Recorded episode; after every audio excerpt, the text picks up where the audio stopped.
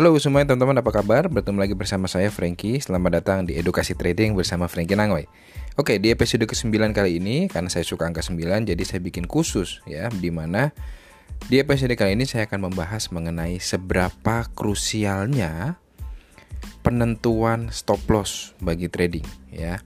Jadi di luar perdebatan antara perlu atau tidaknya menggunakan stop loss atau lebih baik floating atau lebih baik menggunakan posisi uh, risk management namanya hedging atau melakukan posisi sebaliknya di forex trading ya.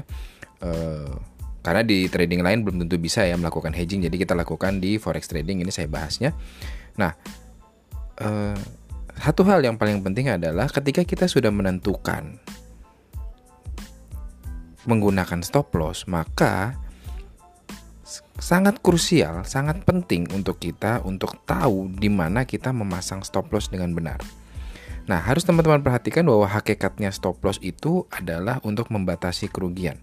Jadi jika terjadi sesuatu e, pergerakan yang berlawanan dengan posisi kita, maka stop loss akan membatasi kerugian yang tadinya mungkin bisa di, dialami selebih banyak, tetapi dibatasi sehingga kita tidak mengalami kerugian. Tetapi harus diingat bahwa titik stop loss sebaiknya harus merupakan titik di mana harga pasti ber, melakukan reversal. Jadi contohnya seperti ini, ketika saya melakukan buy, uh, titik stop loss saya harus men, di level yang ketika titik stop loss tersebut kena, stop loss itu kena, harga confirm 80 atau 90% akan melakukan uh, penurunan. Jadi posisi buy saya akan mengalami kerugian lebih besar gitu. Jangan sampai ketika kita memasang stop loss yang kurang tepat ya, maka ketika kita kena stop loss, harga berbalik lagi sesuai dengan posisi kita. Itu akan mengganggu psikologi kita, akan mengganggu emosi kita dalam trading ya. Jadi kita akan me, kemudian menyalahkan banyak pihak, mengatakan broker itu punya stop loss hunter dan lain-lain dan seterusnya dan seterusnya. Nah, itulah kenapa pentingnya untuk menentukan stop loss dengan tepat ya, di mana di level tersebut sebisa mungkin gak kena tetapi harga bisa kembali lagi ke area kita. Lain hal kalau misalnya kita sudah tidak tahu apakah harga mau naik atau turun. Tapi ketika kita mengetahui harga itu mau naik dan kita pasang stop loss di bawah, kita pasang buy otomatis harga kita pasang stop loss di bawah, kita harus pastikan bahwa stop loss tersebut adalah titik reversal dari harga tersebut. Oke, kenapa saya membahas hal ini? Karena saya baru saja melakukan trading ya di salah satu pair ya. Nah, saya hanya 5 poin ya. Jadi eh, saya pasang stop loss di 600.